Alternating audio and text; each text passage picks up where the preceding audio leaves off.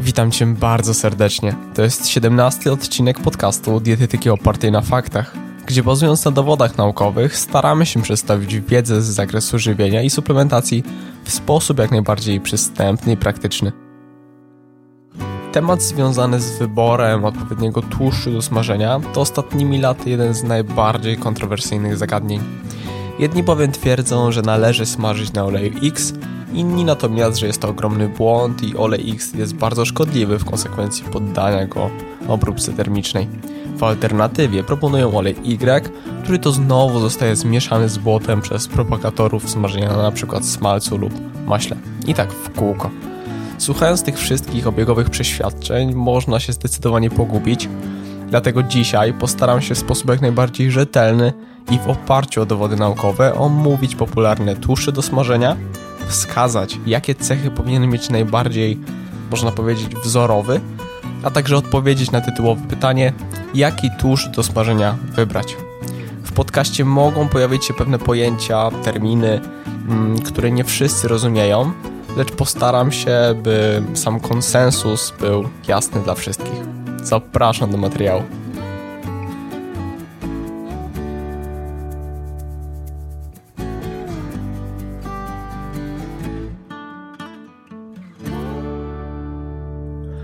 Zanim jednak rozpocznę temat tłuszczów do smażenia, to pozwolę sobie zatrzymać przy samej obróbce termicznej, jaką jest smażenie. Smażenie jest procesem, który dość istotnie wpływa na modyfikację składu żywności, jak i samego tłuszczu, czyli można powiedzieć takiego medium grzejnego. Zachodzi wówczas szereg reakcji, takich jak utlenianie, niekiedy polimeryzacja, cyklizacja.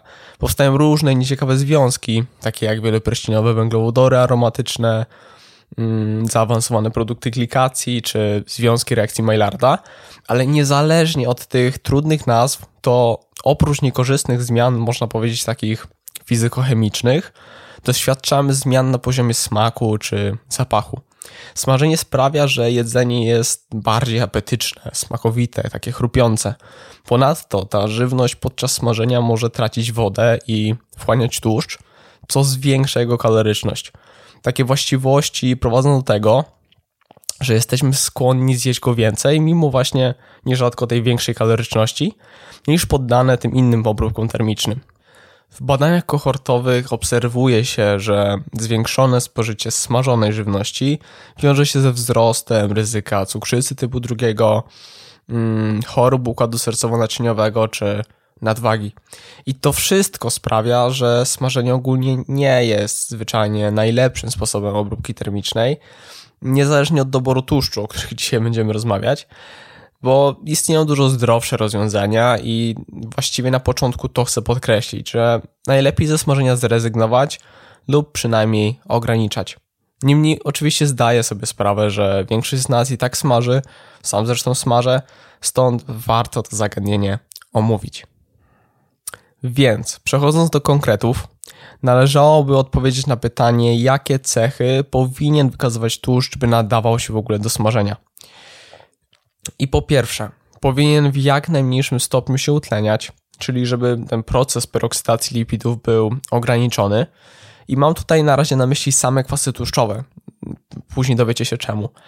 I z tej perspektywy wiemy, że najbardziej podatne na utlenianie są wielonienasycone kwasy tłuszczowe ze względu na wiele wiązań podwójnych. Mowa tu o kwasach tłuszczowych z rodziny omega-3 czy omega-6.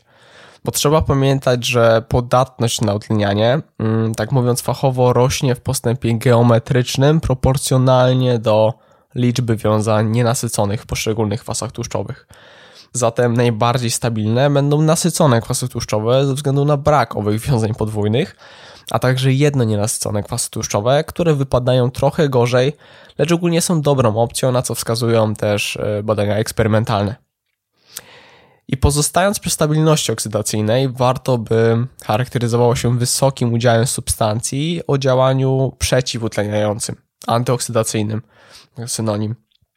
No bo będzie wywierało to swego rodzaju ochronny efekt na kwasy tłuszczowe, będzie zwyczajnie spowalniać pojawienie się tych wszystkich niekorzystnych zmian. I mowa tutaj o substancjach takich jak fenole, sterole, kartenoidy, skwalen czy witamina E. I jako ciekawostkę też w tym zagadnieniu można też dodać, że niekoniecznie te przeciwutleniacze muszą pochodzić z samego oleju. Dodawanie ziół, tak świeżych ziół do butelki, w której trzymamy olej mm, oraz smażenie razem z nimi jest bez wątpienia dobrym pomysłem na stabilizację nienasyconych kwasów tłuszczowych, na co są dowody w postaci badań eksperymentalnych. I tutaj ciekawą opcją jest szałwia, rozmaryn, tymianek czy oregano. I z drugiej strony warto, by olej charakteryzował się niskim udziałem substancji katalizujących proces utleniania, czyli przyspieszających tą peroksydację lipidów. I tutaj głównie mowa o jonach metali, bo problem tu też jest taki, że często źródłem tych substancji katalizujących mm, nie jest sam olej, chociaż on też może być, mm, a pokarm, który poddajemy smażeniu, mm, przykładowo czerwone mięso, które jest źródłem żelaza, dodatki, takie jak na przykład sól, gdy dodajemy sól podczas smażenia, czy sama patelnia i mam tutaj na myśli na przykład naczynia żeliwne. Także w tym kontekście jest wiele rzeczy, na jakie można zwrócić uwagę. Ok, po czwarte chyba już, dobrze by miał jak najmniej innych substancji podatnych na utlenianie, innych niż kwasy tłuszczowe. I chodzi tutaj głównie o cholesterol, częściowo również o fitosterole, choć w ich przypadku nie wydaje się, by były one realnym zagrożeniem, przynajmniej dowody są na to mocno ograniczone i to raczej temat opierający się trochę o spekulacje. Niestety ogólnie w tym zakresie jest stosunkowo mało publikacji fachowych, ale wracając, ogólnie to ilość utlenionego cholesterolu znacznie wzrasta wraz z temperaturą i czasem procesu.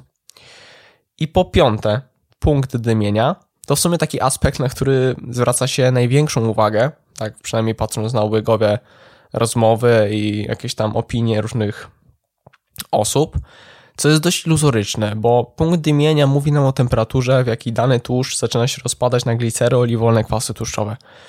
Natomiast w warunkach domowych smażenie przebiega najczęściej w temperaturze 130-160 stopni, niekiedy trochę więcej, 170-180, Natomiast zdecydowana większość tłuszczów do smażenia ma punkt dymienia wyższy niż owe wartości, więc argumentacja, że jeden olej ma punkt dymienia 200 stopni Celsjusza, a drugi 210 i dlatego jest lepszy od tego pierwszego, to właściwie jest złudne. Bo w zasadzie jedyne, jedynie zwykłe masło jest tłuszczem, które nie nadaje się do smażenia w wysokich temperaturach, z tego powodu, że ma punkt dymienia około 150 stopni Celsjusza, ale w tym przypadku wynika to z obecności substancji nietłuszczowych. I mowa tutaj o zwykłym maśle, bo na przykład masło klarowane już jest e, pozbawione tych substancji. Mm, zresztą, gdy zaczynamy już coś smażyć, włączamy duży ogień, nalejemy tłuszczu, to w razie zauważenia dymu, to odruchowo zmniejszamy temperaturę, by go uniknąć. Także ten punkt dymienia, mimo że jest dość popularny i często się o nim mówi, i wiele osób uznaje go za taki aspekt, który wyznacza zdatność danego tłuszczu do smażenia, to niekoniecznie jest e, najważniejszy. Bo tak jak mówię, większość tych tłuszczów do smażenia ma ten punkt dymienia wyższy niż mm, temperatury, w jakich przebiega smażenie w warunkach domowych. Ok, i teraz na podstawie tych punktów oraz niekiedy innych zależności, co wyjdzie w praniu, należałoby omówić każdy z popularnych olejów, czy w sumie tłuszczów do smażenia. Mm, I zacznę może tak losowo od oleju lnianego. Olej lniany bogaty jest w wielonienasycone kwasy tłuszczowe. Mm, około 50% stanowi kwas alfa-linolenowy, czyli ten z rodziny kwasów omega-3, a prawie 20% kwas linolowy mm, z rodziny kwasów omega-6. Jest to więc olej bardzo podatny na utlenianie, tym bardziej w wysokich temperaturach w konsekwencji obróbki termicznej. Zresztą samo trzymanie go w przeźroczystej butelce z dostępem do światła może nie być rozsądne, zwłaszcza długoterminowo. Dlatego też nierzadko na przykład w aptekach, w których można kupić olej liniany, trzymany jest on w lodówce. Stąd też, nie rozwodząc się dłużej, mm, olej liniany nie nadaje się do smażenia, co nie oznacza, że jest bezużyteczny, bo może stanowić świetny dodatek do diety, jako źródło na przykład kwasów ala, ale na zimno. W sumie z tej perspektywy też nie przedłużając, podobnie jest z olejem z pestek winogron, olejem sojowym, kukurydzianym czy słonecznikowym. Słonecznikowy prawie w 70% składa się z kwasów wielonienasyconych, a niestety bywa stosunkowo powszechnie wykorzystywany do smażenia. Głównie wzięło się to z tego, że charakteryzuje się bardzo wysokim punktem dymienia, a tak już przed chwilą wspomniałem, właściwie nie ma to większego znaczenia. Olej słonecznikowy nie będzie dobrym wyborem. Ale przechodząc dalej, olej rzepakowy. To olej, który wiąże się z ogromnymi kontrowersjami, dlatego też rozłożę go na części pierwsze. W większości składa się on z jednonienasyconych kwasów tłuszczowych, mm, bo zawiera 45 do 55% kwasu olejnowego, ale charakteryzuje się też pewnym niemałym udziałem kwasów wielonienasyconych, bo 16 do 22% stanowi kwas linolowy, czyli omega-6 i 7 do 10% kwas alfa-linolenowy, czyli omega-3. Jednak mm, obserwuje się, że czas indukcji procesów oksydacji w owym oleju jest dość spory, czyli z perspektywy kwasów tłuszczowych nie jest najgorzej, jest w miarę ok. Zawiera stosunkowo też dużo antyoksydantów, np. witaminę E w ilości około 20 do 25 mg na 100 ml, trochę steroli roślinnych, także z tej perspektywy też jest w miarę ok. Ale z drugiej strony ta niemała ilość fitosteroli może trochę niepokoić z punktu widzenia ich utlenienia. Niemniej, tak jak już wspomniałem na początku, aktualnie nie wydaje się, by był to realny problem, biorąc pod uwagę przeciętne spożycie, a dozwolone normy. Idąc dalej, warto wspomnieć o kwasie erukowym, który niegdyś był problematyczny ze względu na jego niebezpieczne właściwości, można tak powiedzieć, a stanowił niemałą zawartość rzepaku. Problem jednak rozwiązano, mm, znajdując i krzyżując odmiany rzepaku o niskiej zawartości kwasu erukowego i tak mniej więcej od lat 90. w Europie uprawia się tylko odmiany mm, nie zawierające kwasu erukowego lub zawierającego śladową ilość. Kolejną dość kontrowersyjną kwestią związaną z olejem rzepakowym jest stosowanie Roundupu, czyli glifosatu, jako środka chwastobójczego. I zgodnie z prawem mm, glifosat można stosować do m.in. zwalczania chwastów, ale przy zachowaniu szczególnych warunków życia. I mowa tutaj o odpowiednim terminie, odpowiedniej porze czy dawce. Ustalone są odpowiednie normy mm, z odpowiednio dużym zapasem, by chronić konsumentów. Regularnie prowadzone są kontrole na terenie Polski, m.in. przez Instytut Ochrony Roślin i ogólnie nie stwierdza się pozostałości powyżej limitów. W ogóle sam odsetek próbek z jakimikolwiek pozostałościami jest dość niski. Także do tego momentu olej rzepakowy wydaje się nie najgorszą opcją. W roku 2000 w Polsce mm, przeprowadzono też ciekawe badanie eksperymentalne, gdzie olej rzepakowy ogrzewano w temperaturze 140-180 stopni Celsjusza przez 5 dni po 6 godzin dziennie. I co się okazało? Liczba kwasowa nie wykazywała tendencji do zmian. Mm, tak, żeby wyjaśnić, liczba kwasowa jest miarą zawartości wolnych kwasów tłuszczowych. Przy niższej temperaturze po 6 godzinach lekko została przekroczona norma na liczbę nadtlenkową, natomiast przy wyższej już nie, co sugeruje, że owe nadtlenki ulegają rozpadowi. I co jeszcze? W kontekście zmiany w składzie kwasów tłuszczowych, to przy niskiej temperaturze po 6 godzinach nie było szczególnych zmian, natomiast przy wysokiej i to po 30 godzinach, czyli po tych 5 dniach po 6 godzin dziennie, już takowe były. Stąd ogólnie podczas ogrzewania oleju rzepakowego w tych niskich, w miarę rozsądnych temperaturach i w krótkim czasie nie obserwuje się bardzo niekorzystnych zmian. Także do niezbyt długiego i niezbyt agresywnego smażenia się nada, lecz niestety, co osobiście uważam za najbardziej problematyczne w kontekście oleju rzepakowego, to przechowanie i opakowanie. Olej rzepakowy przechowywany w temperaturze pokojowej stosunkowo szybko się starzeje wraz z czasem rośnie liczba nadtlenkowa i kwasowa. I w tym kontekście też są odpowiednie normy, tak jak wspomniałem, i o ile niedługo po produkcji wszystko się w normie mieści, to niestety analizy rynku spożywczego wskazują, że już po pół roku tak kolorowo nie jest i nierzadko te normy są zwyczajnie przekroczone mimo aktualnego okresu przydatności. I sprzyjają temu butelki, w jakie najczęściej olej rzepakowy się pakuje, Niestety te przeźroczyste butelki z tworzyw sztucznych nie stanowią skutecznej bariery ani dla powietrza, ani dla światła. Stąd y, ekspozycja na światło może w dość krótkim czasie istotnie zwiększyć wartość liczby tlenkowej i taki olej nie będzie szczególnie dobrą opcją. Stąd, jeżeli ktoś ma do dyspozycji olej rzepakowy w ciemnej, szklanej butelce, przechowywany w dobrych warunkach i niedługo po produkcji, to nie będzie to najgorszy wybór. Natomiast w innym przypadku może być trochę gorzej.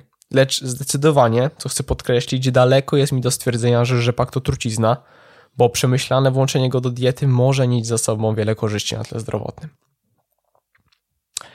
Ok, przechodząc dalej, oliwa z oliwek. W sumie tak naprawdę olej oliwny odznacza się dużą odpornością na utlenianie ze względu na skład kwasów tłuszczowych. Niecałe 70% stanowi kwas oleinowy, czyli przypomnę należący do kwasów jednonienasyconych. Około 10% stanowi kwas linolowy, omega-6, a niecały 1% to mm, kwas linolenowy, czyli omega-3. I z perspektywy kwasów tłuszczowych jest przyzwoicie. Ponadto mm, oliwa z oliwek charakteryzuje się wybitną ilością związków o charakterze antyoksydacyjnym, mm, dużo wyższą niż sam olej rzepakowy. Polifenole, kartenoidy, skwalen czy witamina E to skuteczna ochrona lipidów przed utlenieniem. I co więcej, w roku 2010 przeprowadzono ciekawe badanie naukowe z wykorzystaniem oliwy z oliwek, zarówno extra virgin, jak i e, rafinowanej. 300 mm, gramów ziemniaków poddawano agresywnej obróbce termicznej w 170 stopniach Celsjusza, co pewien czas je wymieniając. I nie rozwodząc się na metodologią, mm, link do pracy zamieszczę w notatkach do tego odcinka, to wykazano, że oliwa z oliwek, niezależnie od tego, czy jest z pierwszego tłuczenia, czy rafinowana, jest wyraźnie odporna na degradację w warunkach domowego smażenia, nawet przez wiele godzin. Bo warto to podkreślić, że w badaniu zastosowano warunki ekstremalne. Mm, obróbka trwała ponad 24 godziny, a nie oszukujmy się, Najczęściej smażenie, tak już wcześniej wspomniałem, nie trwa dłużej niż 20-30 minut, co tym bardziej utwierdza w tym, że nie ma się czego obawiać. Jako ciekawostkę można też dodać, że rafinowany wypadł trochę gorzej niż extra virgin, z tego względu, że w konsekwencji tego procesu zmniejsza się zawartość substancji o charakterze antyoksydacyjnym. Ale żeby nie było, bo chyba tego wcześniej nie podkreśliłem, mm, rafinacja usuwa również substancje katalizujące proces utleniania. I o ile oliwa jest swego rodzaju wyjątkiem i ta extra virgin jest świetnym wyborem, o tyle w przypadku na przykład oleju rzepakowego czy innych, to zdecydowanie lepiej wybrać rafinowany. Ok, i podsumowując, oliwa z oliwek do smażenia nadaje się świetnie. Problemem mogą być jedynie koszty, bo dobrej jakości oliwa tania nie jest, bo warto pamiętać, że oliwa zdarza się, że jest podrabiana, dolewane są tam domieszki różnych innych olejów, także warto wybierać tą dobrą jakościową oliwę i za nią trochę trzeba zapłacić ale za to warto pamiętać, że jest to chyba jedyny tłuszcz, który po zdjęciu z patelni charakteryzuje się jeszcze pewnymi właściwościami prozdrowotnymi, na co są dowody. Także y, oliwa z oliwek to świetny wybór. I zanim przejdę dalej, wspomnę jeszcze o mało popularnym oleju z awokado, który ma podobny rozkład kwasów tłuszczowych co oliwa z oliwek mm, i też charakteryzuje się niemałą ilością antyoksydantów. W badaniach eksperymentalnych również był dość stabilny, stąd to także będzie dobry wybór. Ok, kolejny olej kokosowy. Jest on bogaty w nasycone kwasy tłuszczowe, co zapewnia dobrą stabilność podczas smażenia. Posiada znikome ilości antyoksydantów, ale nie charakteryzuje się też szczególnym udziałem substancji katalizujących proces utleniania. Nie zawiera również cholesterolu, i nawet w badaniu eksperymentalnym z roku 2015, gdzie poddano olej koksowy smażeniu w temperaturze 180 stopni przez 8 godzin, to po zakończeniu próbki okazały się stabilne i akceptowalne. Stąd olej kokosowy do smażenia także się nada. Ale, no właśnie, ale. Ze względu na wysoką zawartość nasyconych kwasów tłuszczowych zaleca się go raczej ograniczać. Nie będę się tutaj rozwodzić dlaczego, bo to temat rozległy, ale niezwykle ciekawy. Może w sumie nagram na ten temat kiedyś osobny, taki obszerny materiał. No, może nagram. Niemniej, o ile mała jego ilość w diecie nie powinna być szczególnym problemem, to smażenie w głębokim tłuszczu i to często raczej nie jest optymalnym wyborem. Nasycone kwasy tłuszczowe w diecie rekomenduje się ograniczać do minimum, a wytyczne Europejskiego Towarzystwa Kardiologicznego i Europejskiego Towarzystwa Miażdżycowego chyba sugerują, że udział nasyconych kwasów tłuszczowych nie powinien przekraczać 10% wartości energetycznej jadłospisu. Stąd olej kokosowy do smażenia się nada, lecz będzie gorszą opcją niż przykład oliwa z oliwek, która dodatkowo niesie ze sobą korzyści zdrowotne. Ale oczywiście zdarzają się sytuacje, gdzie na przykład posmak oliwy może nie pasować, stąd olej kokosowy w rozsądnych ilościach nie będzie najgorszym pomysłem. W małych ilościach. Dobra, przechodząc dalej, masło klarowane. O zwykłym maśle już wspominałem, że nie będzie to raczej dobra opcja, natomiast sklarowane masło jest prawie czystym tłuszczem. Składa się z ponad 60% z nasyconych kwasów tłuszczowych, prawie 30% stanowią jedno nienasycone, a około 2% wielonienasycone. Ten rozkład kwasów tłuszczowych może się trochę różnić, ale to mniej więcej takie wartości. Wydaje się więc ok. Niestety, już samo w sobie masło klarowane może być źródłem utlenionego cholesterolu, a jeszcze poddawanie go obróbce termicznej tym bardziej może zwiększać ich ilość. Natomiast o szkodliwości utlenionego mm, cholesterolu raczej mówić nie trzeba. Stąd też przez potencjalną zawartość utlenionego cholesterolu, a także podobnie jak z olejem kokosowym, wysoki udział nasyconych kwasów tłuszczowych, no nie będzie to zwyczajnie najrozsądniejszy pomysł. Stosunkowo podobnie jest ze smalcem, chociaż około 55% stanowią jedno nienasycone kwasy tłuszczowe, nasycone nie przekraczają 40 mm, i około 10% to wielonienasycone kwasy tłuszczowe to również jest źródłem cholesterolu i nawet notuje się jego niekorzystne przemiany. Stąd też zwyczajnie warto na to uważać. Ok, mm, wydaje mi się, że omówiłem wszystkie takie najpowszechniejsze tuszy do smażenia. Wiem, że wiele osób lubi konkretnie, mm, więc podsumuję to tak. Do smażenia świetnie nadaje się oliwa z oliwek, najlepiej dobrej jakości i olej z awokado. Nie najgorszym wyborem będzie także olej rzepakowy, ale tu szczególną uwagę warto zwrócić na opakowanie i jego przechowywanie. I jako sam w sobie tłuszcz do tego typu obróbki termicznej można sięgnąć po olej kokosowy, ale ze względu na nasycone kwasy tłuszczowe warto zwyczajnie go ograniczać. Na koniec pragnę jeszcze podkreślić, że zdecydowanie warto unikać korzystania e, z już użytego tłuszczu do smażenia, i nie smażyć zbyt agresywnie.